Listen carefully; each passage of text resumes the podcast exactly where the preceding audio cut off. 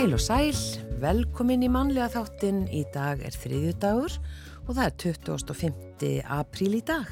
24. meiri sé Það er svo rétt. Heyrðu, lesa þriðju daginn og já, það er, það er sagt mánudagur og það er 25. en Þú varst með, já, ekki, ekki rétt Nei, neitt í þessu Ekki einu sinni daginn. Ekki einu sinni daginn.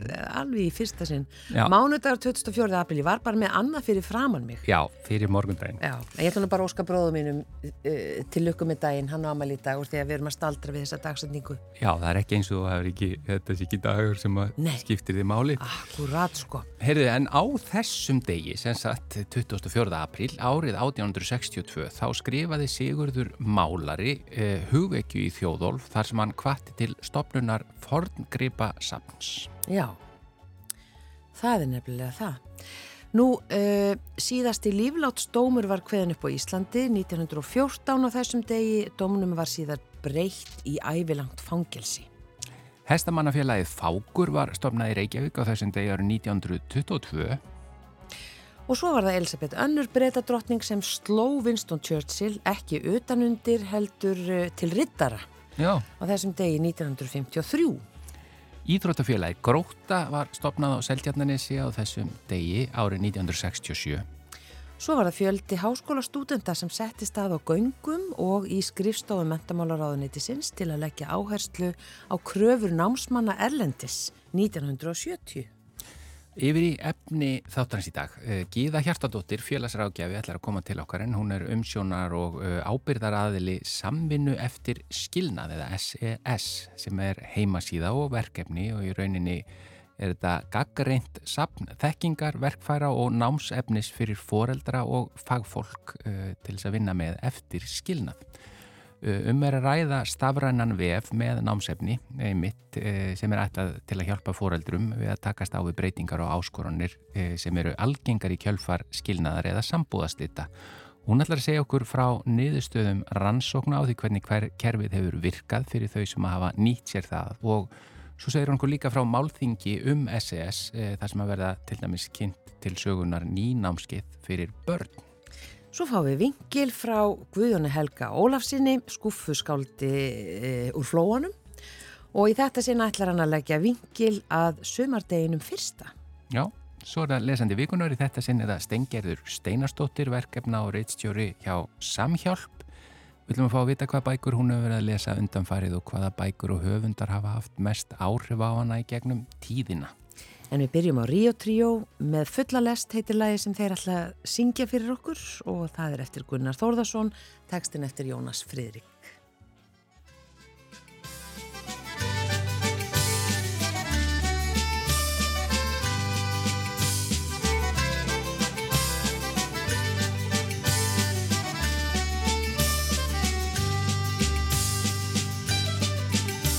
Nú öldur kinnum kissa og kátur raular blæ og hratt í hlýju brjósti. Hjartað gladan slæ reynd ljómandi hvað menn lifna við er landið það bærist næ Við leggjum sennað landi og ljúkum við þessa ferð. Þó fengjum vittlust veður er veiðin samt tölu verð og dömurnar heima hljótt í kvöld herra af bestu gerð.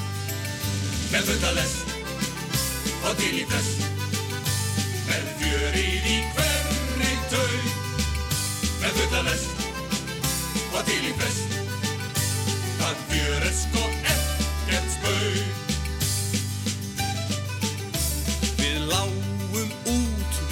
sinn í öskrandi stormi og hrí og vorum svo í viku í vari við grænu hlý. En þó er samt vist að það sem pró því getur kona blí með futtalest og til í flest með fjörið í hverri tau kõtanes, og til i fest. At gjøres kong F, Getsberg.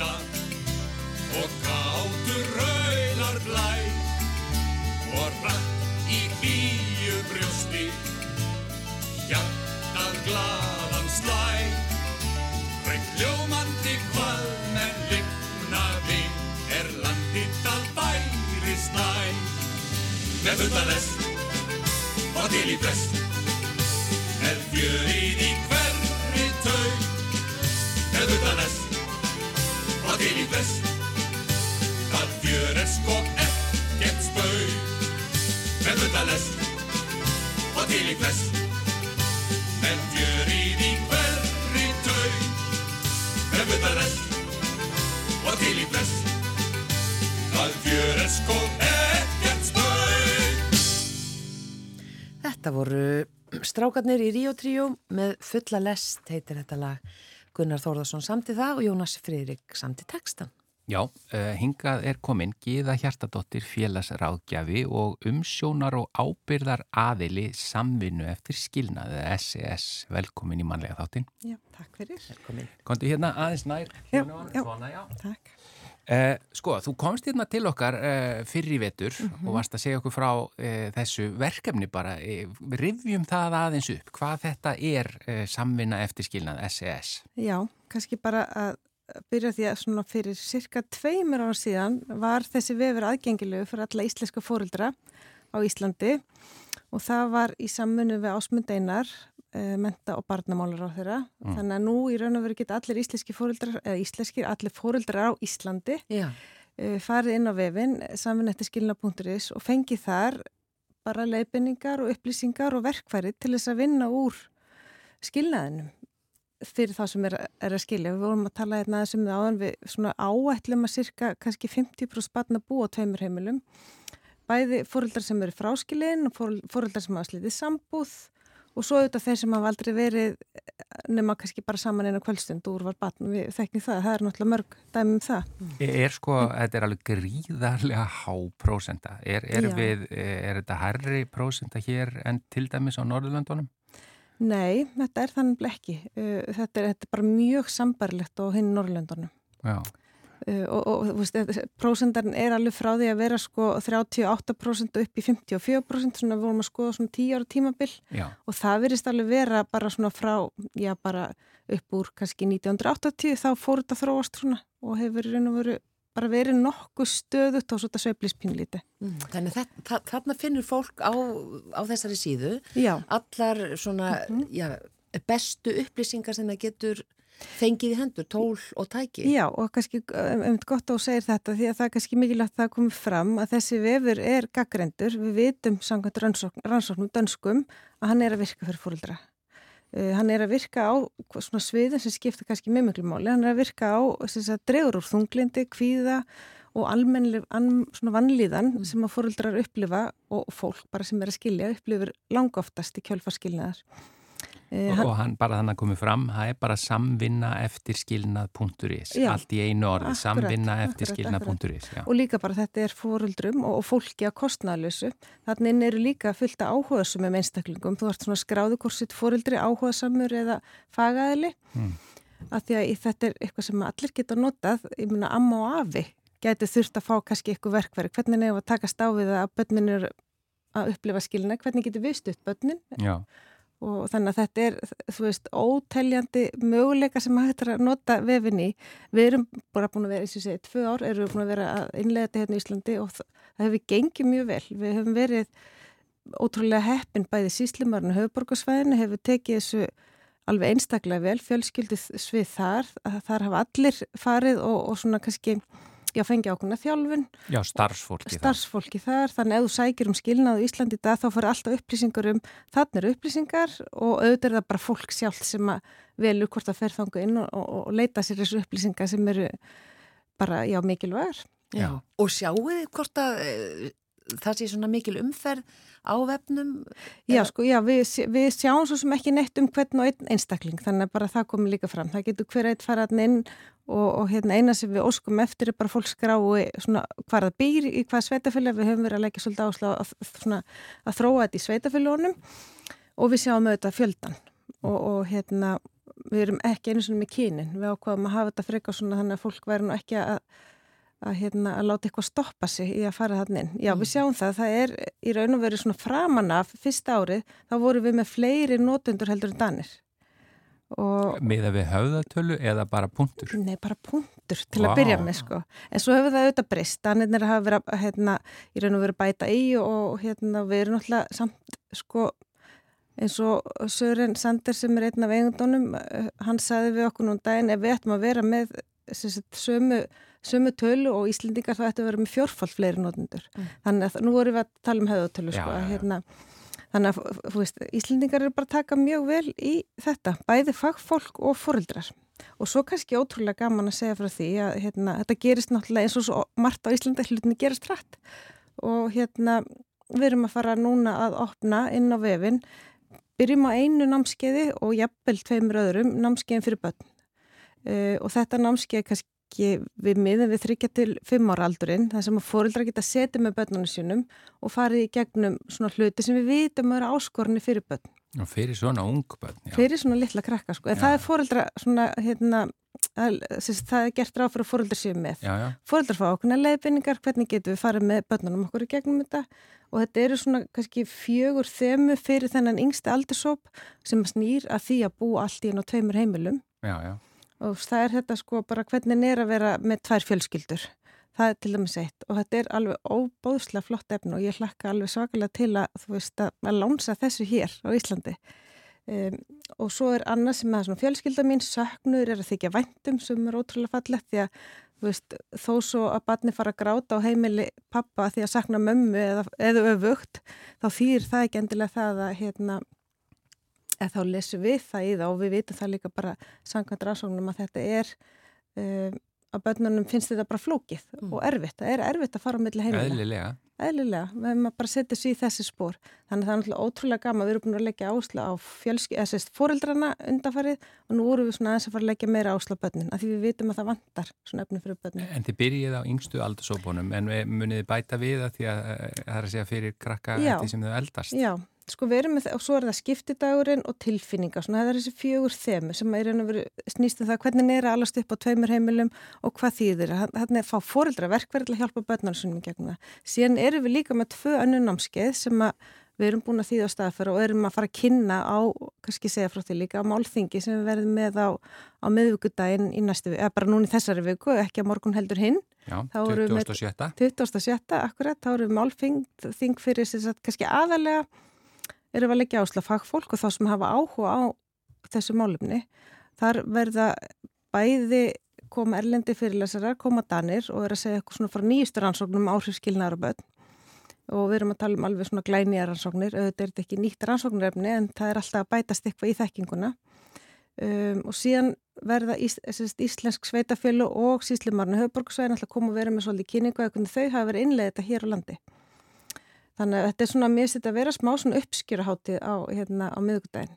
Og það er alltaf að kynna þetta námski fyrir litlu börnin og svo erum við með tvö önnu námski sem við ætlum að kynna líka og það eru námskið sem að heita Réttindin mín og það er fyrir krakka sem eru svona á eldri stigum, sko kannski eldri börn og svo úlinga. Mm. Að því að börn eiga réttindaði bara að fæða bæða að fá að tjásu um mál. Það, það vitum við samkvæmt bæði barnasáttmála og lögum þau er líka rétt á því að tjás ekki mál mm -hmm. ef þau vilja það ekki uh, og það, það er svona, já, það eru svona ýmsi þættir sem að við erum að koma inn á sem eru mjög, þessi löginur eins í Danmarku og Íslandi. Eitt sem hefur ekkert mikið verið fjallum er, er að börnega rétt á því að óska eftir því að koma, þess að fara í viðtal sjálf hjá síslimann, ef þau eru upplifa ágrinning á milli fórildra, þá geta börn farið e, og bara haft samband og þau eiga að fá viðtal samdægus eða daginn eftir þar sem þið segja bara hlutin er ekki gangun og vil heim, mamma pappi er alltaf að rýfast og ég vil hafa þetta svona en þau hlust ekki á mig þannig að mm. þá er það í raun og veru, þetta er svona initiativrétt þetta heitir á íslensku frumkvæðisréttur Já. Þetta er auðvitað alveg gríðarlega viðkvæm staða því að Já. það er auðvitað Já. því miður e, þegar hjónaskilna er oft erfið Já, samskipti akkurat. og börnin lenda á milli. Akkurat, akkurat. En vita börnin af þessu? Hvernig komið þessum upplýsingum Já, það er það sem við erum svolítið að, heitna, að fara að gera núna. Þetta er reynda nýtt í lögunum eða nýtt að þetta er búið að vera í ár í lögunum. E, þannig að þetta er eitt af þessu sem við erum að koma til skila í þessu námskeiði. Já, og kannski á skólinn að koma þessu til skila eða hvernig er það? Já, við erum að hérna svolítið að opna það og vonumst til þess að skólinn í raun og veru koma þess inn í samanætti skilina verkefnið og það er alveg, við erum hérna með, ég held ég var sagt frá því að mitt hérna síðast, við erum með svona sérstakka þjálfun fyrir fagfólk og við höfum verið með skólafólk og þar sjá, skólafólki sé svo miklu möguleika að því að þetta eru þetta fólki sem er með börnin okkar mm. uh, alla daga en það er líka kannski mikilvægt að eins og að benda að þetta er allt saman freka viðkvæmt og efni byggir svolítið upp á því að auðvitað upplýsa börnin um þeirra rétt og síðan eru svona leifinningar hvernig geti tala um mamma og pappa þau fá svona setningar, þau fá svona tips um hvernig þau geta sérst, opna þessu umræði því þetta er ekkit þú veist það þarf alveg svona kjark að gera það, að tala um svona hluti við mömmu og pappa, því þú veist, þetta snýstu mömmu og pappa, þá er það erfitt já, já. eða foreldra, ég segi, þú veist, það getur verið mamma og mammi, það getur verið pappi Sko því hvað þetta er ótrúlega algengt hér á landi, já. við þekkjum öll annarkorta eigin reynslu eða mhm. fjölskyldun eða vinum eða bara mjög nærri okkur bara mhm. eiginlega allir, þannig að mhm. þetta að kynna sér þessi mál vel Akkurat, ég minna það á fjölskylduna Já. Mhm. og hvað getur við gert til þess að stýðja við þannig að ég bara hvet allar til þess að fara hann inn og skoða. Já, því oft einmitt eins og þið segið, þá mm. sko veit mhm. fólk ofta ekki hvernig Nei. það á að breyðast við hvað það á að segja mm -hmm. og þannig er hægt að fá Já. leiðbynningar bara Já. og góð ráð. Já, og ég minna, það er allir að leggja sér fram, það vilja allir að besta fyrir bönni sín en stundum vantar okkur bara verkværi og, og þannig er þau að finna samvinna eftir skilnað.is allt í einu orði og allt litli staður. uh, Gíða Hjartadóttir, þakka þér innlega fyrir að koma já. og fræða okkur og meira um þetta. Takk hérlega fyrir að bjóða mér aftur. Takk.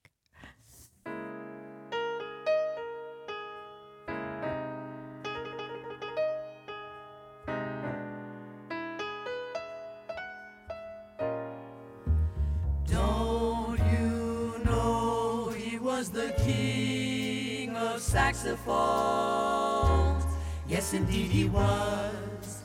Talking about the guy that made it sound so good. Some people knew him by the beat, but Hawkins was his name. He sure could swing and play pretty too. Sounds good to me, should sound good to you. I love to hear him playing body and soul, very pleasing to the ear. When I first heard it on the record, I just stopped right there. Sounded like a band of angels in the sky, and I have never ever heard a sweeter tone.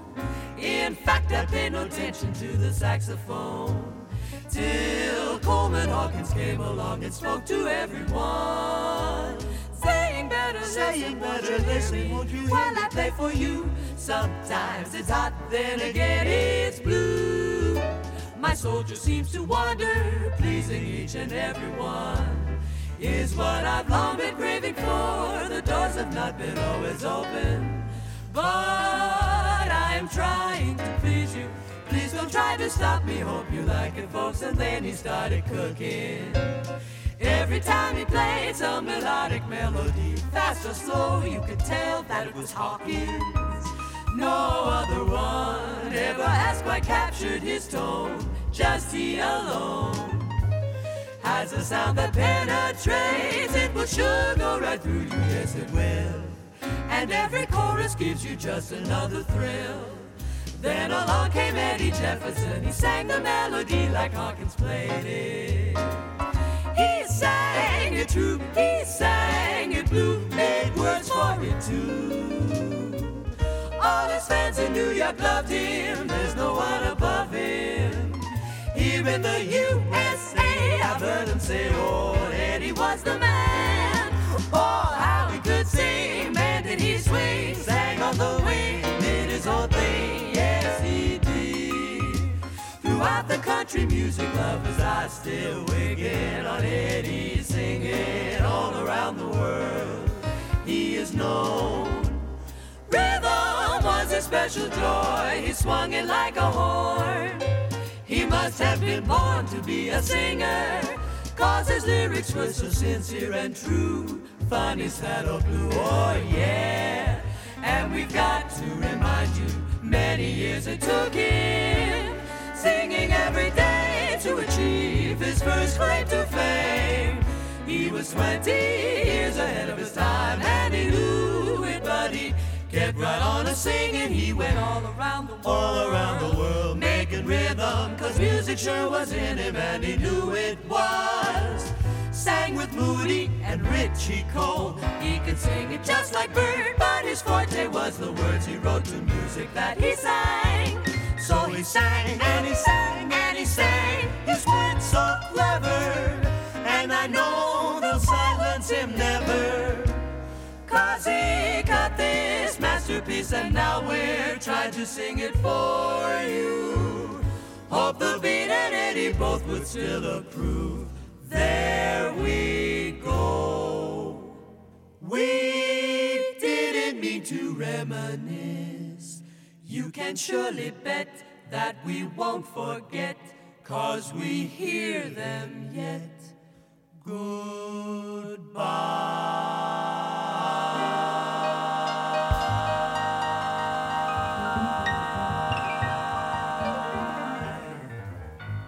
Eitt frægasti söng kvartett e, bara í heimi, Manhattan Transfer og þarna sunguðu þetta Body and Soul lag sem yfirleitt er svona flutt instrumental en þarna gerðu þau rattir við þetta. Já, e, það er komið að vingli frá Guðjóni Helga Ólasinni og í þetta sinn ætlar hann að leggja vingilin að sumardeginum fyrsta. Ágætu hlustendur. Sumarið hér á Íslandi er hugarástand og sumardagurinn fyrsti færir okkur ekki breytt veðurfar eins og skrúfa sér frá krana. Þetta vitum við sem hér búum og kipum okkur ekkert upp við svo litla snjókomu eða gula veðurviðvörun daginn þann. Við stöndum bara tilbúin í forstofunni með sumarblóm í bakka en höfum til öryggis klætt okkur í gúmistígvel, kuldagalla og þykkuhúfuna, reyðubúin að hlaupa út á milli gelja og gróðursetja, ef svo heppilega skildi vilja til að dúra þið aðeins. Eftirfarandi teksta má finna á frjálsa alfræðiritinu Wikipedia með fyrirvara og tilvittnun hefst. Sumardagurinn fyrsti, einnig kallaður Ingismeyjadagur, er fyrsti dagur hörpu sem er fyrstur af sex sumarmánuðum í gamla norræna tímatalinu. Sumardaginn fyrsta ber alltaf upp á fymtudag á tímabilinu frá 19. til 25. apríl. Það er fyrsta fymtudag eftir 18. apríl. Sumardagurinn fyrsti var lengi messudagur eða til 1744, tilvittnum líkur. Þar höfum við það. Sumardagurinn fyrsti var til hjá þeim sem notuðu gamla norræna tímatalið, ekki bara okkur hérna uppi á Íslandi. Þetta geti nú útskýrt ímistlegt, sérstaklega með tilliti til meðalhita í apríl. Örlítil óformleg aðtugun á internetinu leiðir í ljósa meðalhiti í apríl erum 6 gráðum lagri í Reykjavík en höfuðborgum skandinavísku landana, svona jafnaði, nokkuð sem kemur ekki sérstaklega ávart. Íbúar norræna tímatalsvæðisins splæsa líka í 6 sumarmánuði. Það er mögulega ekki raunhæft hér, en vissulega koma nú stundum góða ár, við skulum ekki gleyma því og heldur ekki að meðaltal finnum maður út með því að leggja saman gildi og deila í með fjölda þeirra. Þannig er hægt að standa í krabapitti upp undir krika með hendurnar í sjóð heitu vatni og finna út að hitastíð hjá manni sé að meðaltali þægilegt. Þetta er bara til viðmiðunar og hver einasti dagur hefur sín sérkenni hér á eiginni. Veðrið er sannarlega sí breytilegt. Upp úr sinugrónum þúpnakollum hérna heima eru þegar þetta er ritað farin að gæjast nokkur græn og fersk grasstrá. Þau vekja manni sannarlega löngun til að lifa hlýri og betri daga. Tillökkunin eftir sumrinu er kannski hinn eini og sanni vorbóði og að margir reyndar svindli með því að skjótast til útlanda og meðan hér viðrar lítt til gróðursetningar á sumarblómum. Ég hef alveg skilning á því og dæmi ekki en viður kenni alveg að mér langar stundum að lengja sumarið og held að kannski ætti maður bara að smíða gróðurhús. Það þarf ekki að vera stórt, en mætti gjarnan rúma ringlaga eldúsborð, nokkra stóla, lítið vinnuborð, festingu fyrir garðslöngu og eitthvert slangur af plöntum. En að hyrða um gróðurhús er auðvitað tölverð vinna.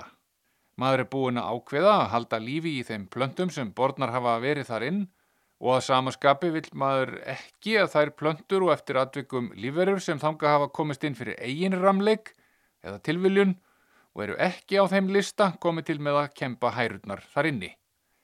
Ef maður setur sér í spór þeirra lífverða, er ljóst að tilgangurinn er sá einn að þrauka á þessum nýja greiða stað, nokkuð sem við Íslendingar ættum alveg að tengja við. Umsjónar aðilar gróðurhúsa beita tiltækum ráðum við að uppræta og farga óaskilegum jurtum, auk þess að reyna að hafa heimil á dýralífinu. Hér áður fyrir var nú algengast að kaupa allskins eitur og úða því svo hist og pist um gróðurhúsin og reyna þannig í örvendingu að drepa þar allt kvikt nema kannski eina jört. Það eru svo litið íkt viðbröð og ekki ósvipuð og Ef að ég fengi, segjum, mús inn í bílinn minn og myndi í geðsræringu vefja álpappir um gýrstangarnúðin, ná mér í 5 lítra af steinolíu, hella henni í sætin, golfteppið og inn í segulbandstækið og fleia síðan logandi rókaldsbítu innum rifu á glugga. Vissulega myndi hú, músin annarkort brenna eða flýja og gýrstangarnúðurinn gæti mögulega björgast, en að öðru leiti var ég engu bættari, nema síður væri. Í dag þykja hinnar svo kalluðu lífrænu varnir heppilegri til að grísja meindýrahjörðina. Dæmi um slíkt er til dæmis að kaupa sér staug af sníkjuvespum til að koma böndum á bladlúsafaraldur. Sníkjuvespur finna sér nefnilega lirfur annara skordýra, í þessu tilfelli bladlúsa, gera á þær gat og verpa eggjum sínum þar. Áður en langt um líður klekjast lirfur vespunar út og dunda sér við að geta bladlúsar lirfurnar að innan og þar púpa þær sig. Að því ferli loknu verða til nýjar sníkjuvespur sem finna fleiri bladlúsarlirfur og leikurinn er endur tekinn þánga til engin bladlúsarlirfa er eftir. Sníkjuvespurnar hafa þá ekkert að geta og drepast líka. Máli dött. Fyrirtæki Innigarðar er með ágæta heimasíðu þar sem að fræðast má um lífrænarvarnir gegn skadvöldum eins og til dæmis spunamítlum kögurvangjum sem oftast er nú kallar trips, mjöllús, ranabjöllum og svarðmíi, svo dæmi séu tekin, en við þessum vágestum eru til lífrannar varnir og engin þörf á að beita gjöreyðingarvopnum í sólhúsinu. Nú er sumardagurinn fyrsti nýja af staðin og ég hafi því miður ekki tök á að heimsækja garðurkjuskólan þetta árið eins og ég vanur þann dag. En þá er þar æfinlega opið hús og margt að skoða. Ég mæli að sjálfsögum með að þið drífið ykkur þanga með mér á næsta ári. Skoðið garskálan sem er nýlega endurbyggður og mjög flottur. Skoðið skólastofurnar, bananahúsið sem er alveg stórmerkilegt og var byggt til að sína fram á notagildi gróðurhúsa. Að þar mætti skapa nánast hvaða loftslag sem er og rækta til dæmis banana, kaffi, fíkjur og vinnber, svo fátt eitt sé namt. Í kennslu aðstöðu skrúðgarkjudeldar eru nefendur með verkefnið sín til sínis, hvert öðru glæsilegra og svona geti ég lengi talið. Ég er æfinlega þakkláttur fyrir tækifæri til að kynnast garðurkjuskólanum með fullri og djúbri virðingu fyrir öðrum mentastofnunum en mér finnst mikilvægt að nota hvert tækifæri til að mæra þennan góða stað. Sennilega mun matvæla öryggi komandi kynsluða best tryggt með því að byggja á þeirri tækni sem það er kend og fegurðin á þar líka greiðastað í blómaskreitingadeildinni. En rúsinan í þessum fallega pilsuenda er nú samt deild skórektar og umhverfis. Ég verð að koma því að. Jæja, nóg um það. Ég verð að flytja ykkur slæmarfréttir. Þannig er að frendi minn einn hefur frá unga aldri lagt á minni dálitið af veðurfræðilegum útskýringum. Þær er ekki byggðar á vísindalegum staðrendum endilega en sumar hafa reynst nokkuð áræðanlegar. Þrátt fyrir að vera hluti af því sem kalla mætti þjóðfræði hverstagsins og ég skal reyna að stilla mig um að mæra þjóðfræðideildina í Háskóla Íslands í mjög löngum máli en þar er mikið skemmtilegt að vera, skal ég segja ykkur. Frændi hefur því miður aldrei komið þarinn fyrir dyr en hann sagði mér á dögunum að nú kæmi bráðum í ljós hvernig veðrið yrði í sumar. Ég var þau auðvitað forvitin því ekki einu sinni kynverska veðurstöðin mín getur spáð svo langt fram í tíman svo ég viti. Sumarveðrið, sagðan, verður alveg eins og veðrið fyrsta sunnudaginn eftir sumardaginn fyrsta. Fyrir hluti sumars verður eins og fyrirpartur dagsins og setni hlutin eins og setniparturinn. Ég vildi fá að vita hvernig stæði á þessu, en fekk það svar að það vissi nú enginn, þetta væri bara svona og svo kom alveg ægilegt glott á þann gamla, hann er ég leti þar við sitja. Samkvæmt þessu þá verður kallt og blöytt fyrir hluta sumars. Því að heima hjá mér var nú bara heiðarlega slitta um morgunin og langt fram eftir mótni var ekki nema tveggja gráðu hiti. Ég vona að spákerfið hjá frænda sé ekki nákvæmt upp á gráðu. Maður vill nú helst geta sett lopapeisuna inn í skáp á sumrin. Setni parturinn lofar alls ekki góðu heldur en maður má ekki einblýna á þar sem er miður í ákvætt. Ég skrapp til dæmis til Keflavíkur í fermingarvislu hjá hann um skarpjani frænda minn um setni partin og þar var alveg ljómandi veður svo kannski neyðist ég til að elda sólina þangað vestrættir í sumar. Reynist hinn þjóðfræðilega veðurspá rétt hjá frænda. Verð alveg möguleiki að kartublumiklan nái sér ekki á stryk þetta árið en undanfarin tvö ár hefur sá kvimleiði vá gestur eðilagt fyrir mér uppskeruna. Ég var búin að koma mér upp nokkrum skemmtilegum kartubluirkjum eins og til dæmis Shetland Blue, Asterix sem er allra kartaflana best rauðum og hvítum möndlukartöblum, háreg, aukess að vera með rauðar íslenskar, gullauga og premjar. Allt fór þetta fórgörðum. Síðustu ár hafa verið mér erfið í kartöblurektun, tvö miklu ári í röð, svo eru nú stundum þurkar og stundum stórrygningar eða arfi og auðvitaði maður aldrei sáttur nema allt hefnist. Stundum hefnast allt og uppskeran verður gríðarleg. En þá er maður líka eins og snúi róði í hund ekkert neginn með allt og mikið af kartöblum sem enginn borðar, nema ég, sem ætti sennilega að láta þær alveg eiga sig, allavega minga kartöblu á til mikill að muna. Mér er endar slétt sama og held áfram að borða kartöblur í hvert skipti sem ég langar í þar. Eitt vorið var ég að láta útsæðis kartöblur spýra og farin að gera mig líklegan til að setja tætaran aftan í traktorinn, tilkynnti frúnni það með ólundar svip á vöra, Sennilega væri maður ekki heill á geðsmunum að basla við ræktun á þessari myndu óhóllustu áreittir ár og svo kemur bara miklað einhver skollin annar og eiðilega allt. Hún komir þá þægilega óvart með rósirðum og sæði að Ísland væri alveg öruglega óbyggt enn þann dag í dag ef ekki væri fyrir þverhausa eins og mig. Ég held alveg öruglega að þetta hafi verið rós. Er það ekki annars? Góðar stundir.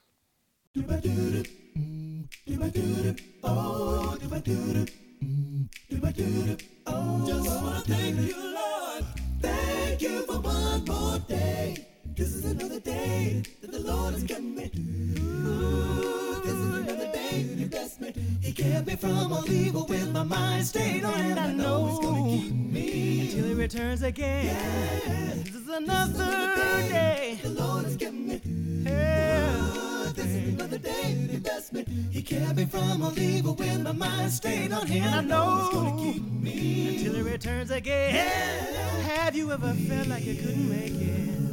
You didn't have the strength to go through. No, a trouble and trials always got you down. You cried, Lord, what shall I do? I stop depending on your feeling and start trusting God's word. Cause I'm persuaded He will keep me. He'll never leave me until I see His face someday.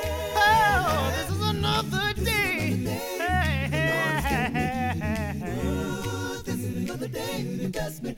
Kept me from all evil with my mind stayed and. I oh, know until he returns again. Oh, oh have you ever felt like oh, Lord you couldn't make it? Didn't have the strength to go through. Your troubles and trials always get you down. You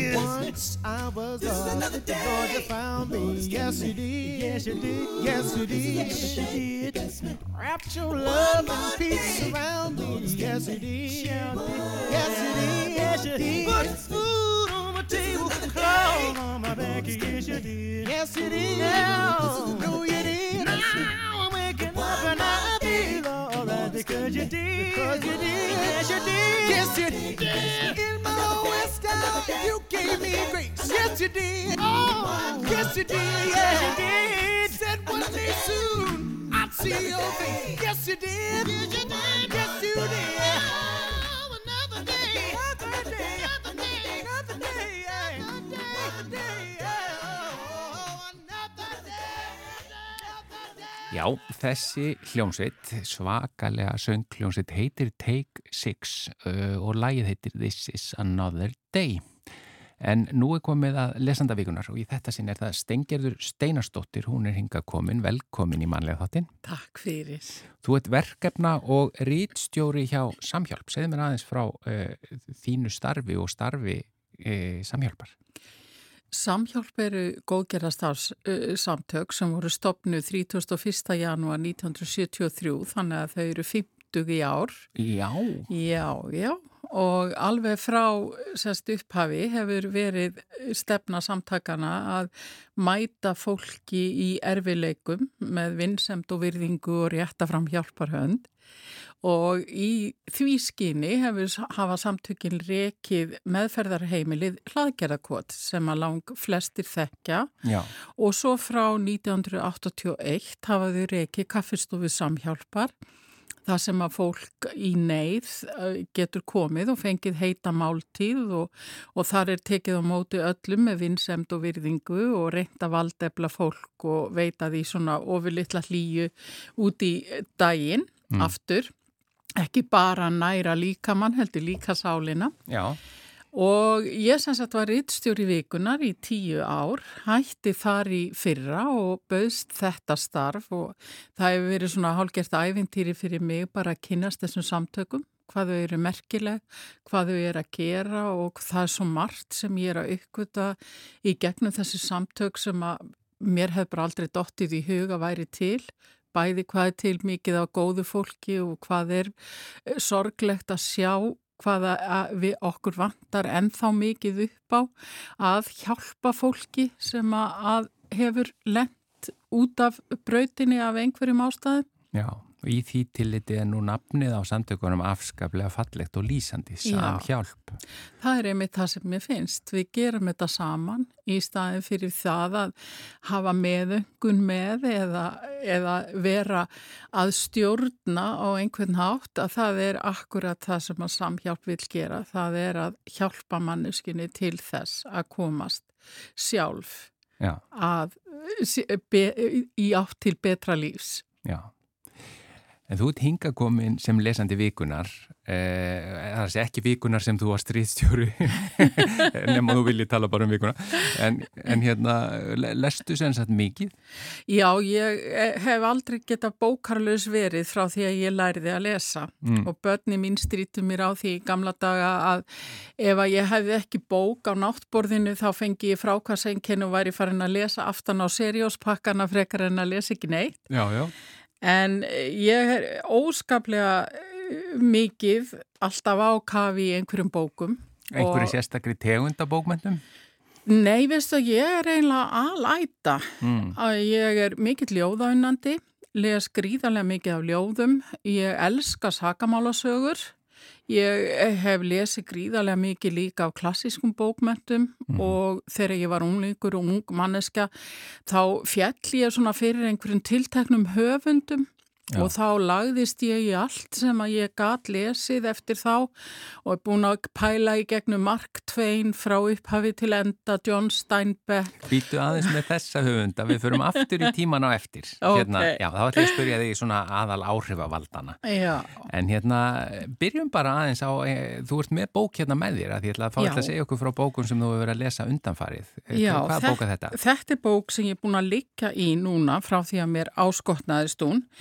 og þetta er, eh, heitir Líka minn geymir allt.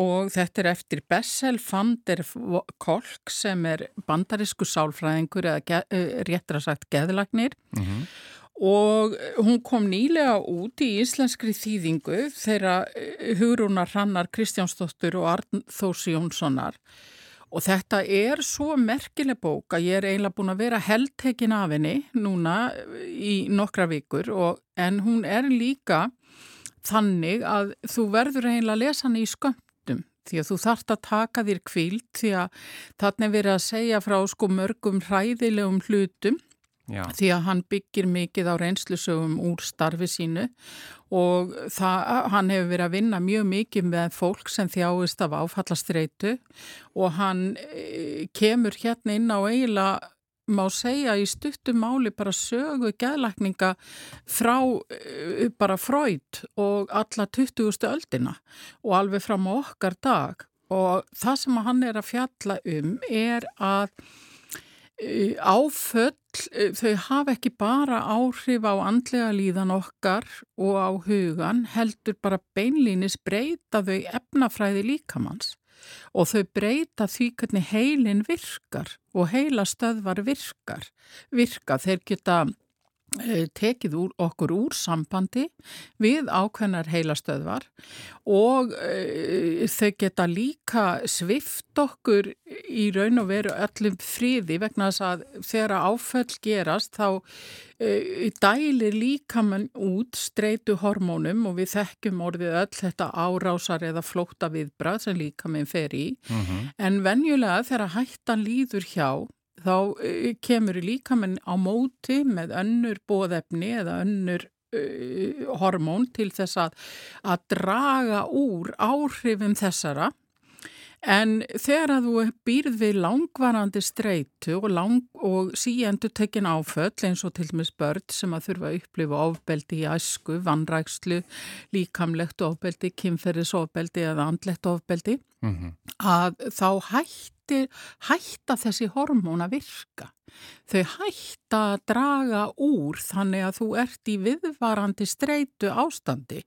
Þetta er sko, ég liftist allur upp þú fórst að segja mig frá þessari bók að því við erum búin að fjalla mjög mikið um áföll og afleggingar Já. áfalla í þættinum og þetta er bara, ég þarf að ná í þýðendur þessara bókar Já, til þess að þetta- koma og segja okkur betur frá þessu öllu. Þetta er alveg, hljómar alveg bara nákvæmlega eins og það sem við höfum verið að fjalla um hér. Þetta er nefnilega svo stórkoslegt og líka vegna þess að við höfum svona ákveðna tilneyingu til þess að áfellast fólk fyrir Já, að já. komast ekki yfir áföll eða fyrir að sækja alltaf í sama gamla farið, vinkona þín sem að fer aftur til ofbeldismannsins sem Já, að nýtist á henni og eða vinur þinn sem að fellur alltaf eftir hverja áfengismeðferð. víta ringur sem þau komast ekki út úr. akkurat og við svona einhvern veginn höfum þessa tilhengu að einhvern veginn að eh, vera reið út í þetta fólk. En þannig er okkur bara beinlýni sagt að ef að þú hérna eh, hegðar þér ekki svona þá ertu bara í raunverulega að vinna gegn efnafræði líkamæðins vegna þess að það er ekki búið að vinna úr þessu áfalli og það er ekki búið að koma uh, jafnvægi á líkamstarfsemina, þá ertu í raun og veru ófær um að komast út úr þessu. Út úr þessum víta ring. Já, Já, þetta er ótrúlega merkilegt. Ég þarf að hérna, uh, ég heyri í, í þýðendum þessara bókar og fá þið til að koma og útskýra betur fyrir okkur. En hvað hva, ertu með einhverja aðra bók sem þið langar að segja frá? Já, ég- sko ég hef verið að lesa líka meðfram þessari af því að eins og ég sagði, ég þarf að kvíla mig alltaf á henni af og til, Já, að sjáuð okkur dansa og það er eh, framhald eftir, þetta er eftir Leilu Slímani og þetta er framhald af Í landi annara já, og hún byggir þessar bækur á fjölskyldisögu sinni, móður hennar var frönsk og hún kynnist marokkoskum manni í uh, heimstyrjöldinni síðari og flytur með honum út til Marokko og Já. þau eru bændur þar og rýfa þarna upp búgarð sem í raun og veri var svo sem ekki neitt neitt og komast til efna og áhrifa og þetta er sem sagt framhaldið og þetta er Eh, svo eh, vel skrifaður þessa bækur og það eru svo indislegar. Á, á hvað og tíma gerist þetta? Þetta, sem sagt, núna þessi setni bók, hún er að gerast svona eiginlega nálagt okkur í tíma. Já. Þetta er sem sagt dóttir þessara fransku konu Æsja sem að, að er farin til Östuríkis að læra til læknis og hún kemur tilbaka til foreldra sinna og þetta, þau eru komin til efna og áhrifa og búin að ná sér upp. Þannig að ég gæti trú að þetta gæti verið svona í kringum hvað 1980 þú veist já, á svona sjönda, áttunda áratug síðustu aldar já. sem að sem sagt, eh, sá tími sem við erum komin á núna mm -hmm. og það sem er svo stórkoslegt við þessa bók er að hún lýsir því hvernig konur eh, eins og þessi þurfa að koma inn í algjörlega framhandi menningu þær þurfa að vinna sér hlutverk, finna sér stað og þetta er náttúrulega kona sem að er alin upp við ákveði frelsi og ákveði sjálfstæði sem er meira heldur en gekk og gerðist í Marokko á þessum tíma. Þannig að hún er ekkit sátt við að vera bara kona mannsinsins. Hún átti sér drauma um mentun og ímislegt og hún er útsjónasöm og úrræðagóð og, og skapar sér eh, bara stað í þessu samfélagi og mér finnst þetta svo dásanlegt að lesum þetta og mér finnst þetta auka svo skilningmanns á innflytjandum og líka það hvað við eigum að vera þakklátt fyrir að fá svona fólk inn í samfélagið. Já, sjáuð okkur dansa, Leila Slimani. Já. Já. Eh, ertu með eina bók sem þú getur tala stutlu um áður en við förum aftur í tíman? Ég, ég gruna að Mark Twain og einhverju fleiri sé að banka upp á hann og fórtíðinni. Já, ég verð að fá að nefna að ljóðabókin Ursta eftir hann að gerði Kristníu. Já. Hún hafi alveg ofbosla djúpa áhrif á mig og hún liggur ennþá á náttborðinu mínu vegna sem ég er ennþá að grípa hana alltaf og lesa hana aftur og aftur. Já. Og það er svo magn magnað hvernig gerði tekst að draga upp í örfáum orðum alveg stórkostlega mynd af konu. Þetta er formóðir hennar sem bjóðast norður og ströndum og hún var einfætt, hún misti mannin sinn, hún átti fjöldabatna hún var ljósmóðir og tók á móti fjöldabatna og það getur eh, hver maður sé það í hendi sér að það er ekki einfalt að vera einfættur norður á ströndum eins og samgöngur og aðstæður í náttúrinni eru þar og ferðast á milli bæja til að taka á móti börnum. Og hún upplifir það einu sinni, þessi kona, að hún kemur að urtu sem er að kæpa og hún er í neyð og hún fer til hennar og hjálpar dýrinu að koma Falleg. kópnum í heimi. Það eru ljósmóðir, urtu. Já. Já, e, þetta er já, urta eftir gerði kristnju, það er gaman að mitta eins og segir, hvað ein ljóðlína getur sagt mikið. Ég það er bara ótrúlega magnaða myndir sem bara byrtast í hugamanns ljóslifandi við að lesa þetta. Já. En í, ef þú fer núna aftur í tíman, nú, nú leipum við að Mark Twain og fjölum, hver, hver, hvaða nöfn eh, koma svona upp í hugan sem hafa virkilega fyllt þér í gegnum tíðina? Það er svo ótalmart, ég er eiginlega bara í standandi vandraðum með Já. að velja úr því, sko ég er mikill aðdáðandi lagsnes og það er held ég enginn sem að hefur geta skrifað annað eins á íslensku máli sumt af því sem hann hefur skrifað við eigum bara ekkert sambarilegt og það er engi, ekkert undarlegt að þessi maður hafi fengið Nobel-svelunin. Og sé nefndur aftur og aftur Já. akkurat hér í, í þessum lið. Já, ég er ekki hiss á því. Er einhver sérstöklagsnisbók sem er, svona, er sko, erfitt að draga einhverja fram? Ég elska Íslands klukkuna held ég umfram allt og ég, og ég hugsa ég sé ekki einu um það því að hún auðvitað talar alveg óskapla inn í hjörtu hvenna, bæði lýsingin á Snæfríði Íslandsól og á móður Jóns Rekvissonar. Þa, mm. Það er eiginlega svona standa upp úr sem kvempásunur og gömlu konundina slagsnes eru reyndar alveg snilt og bara reynd ásemt mm. og eins og í sagana brauðinni dýra og, og fleiri gamlar konur líka Kristín í, í Brekkukottsannál og það mætti endalust helgi. Nú ég er líka mjög hrifin af Margretti Atwood. Já. John Irving er einn af mínum uppáhals og Prayer for Owen Meany það er bók sem ég get ekki hægt að mæla með. Og ég er svo, eiginlega svolítið hiss á því að John Irving hafi ekki verið þýttur á íslensku. Já. að mér finnst það svolítið svona í raun að vera vöndun Kanski heyri það einhver núna hér Já, ég, ég bara Ég vona það sannanlega og svo sem sagt eh, hérna John Steinbeck var mitt upp á haldum tíma og ég pældi gegnum hann og, og eh, hérna Ernst Hemingway ég fór í gegnum Mark Twain og þeir sitja ennþá í mér og og fleiri og fleiri, svo náttúrulega Oscar Wilde, já, hann já, var já. dásamlegur. Þú ert að nefna bara alveg stórkastlega nöfni, en það er ekki nema að vona þeir, þeir fylgið þér eh, eftir að hafa, ég menna, kynntistu þeim mörgum ung kannski?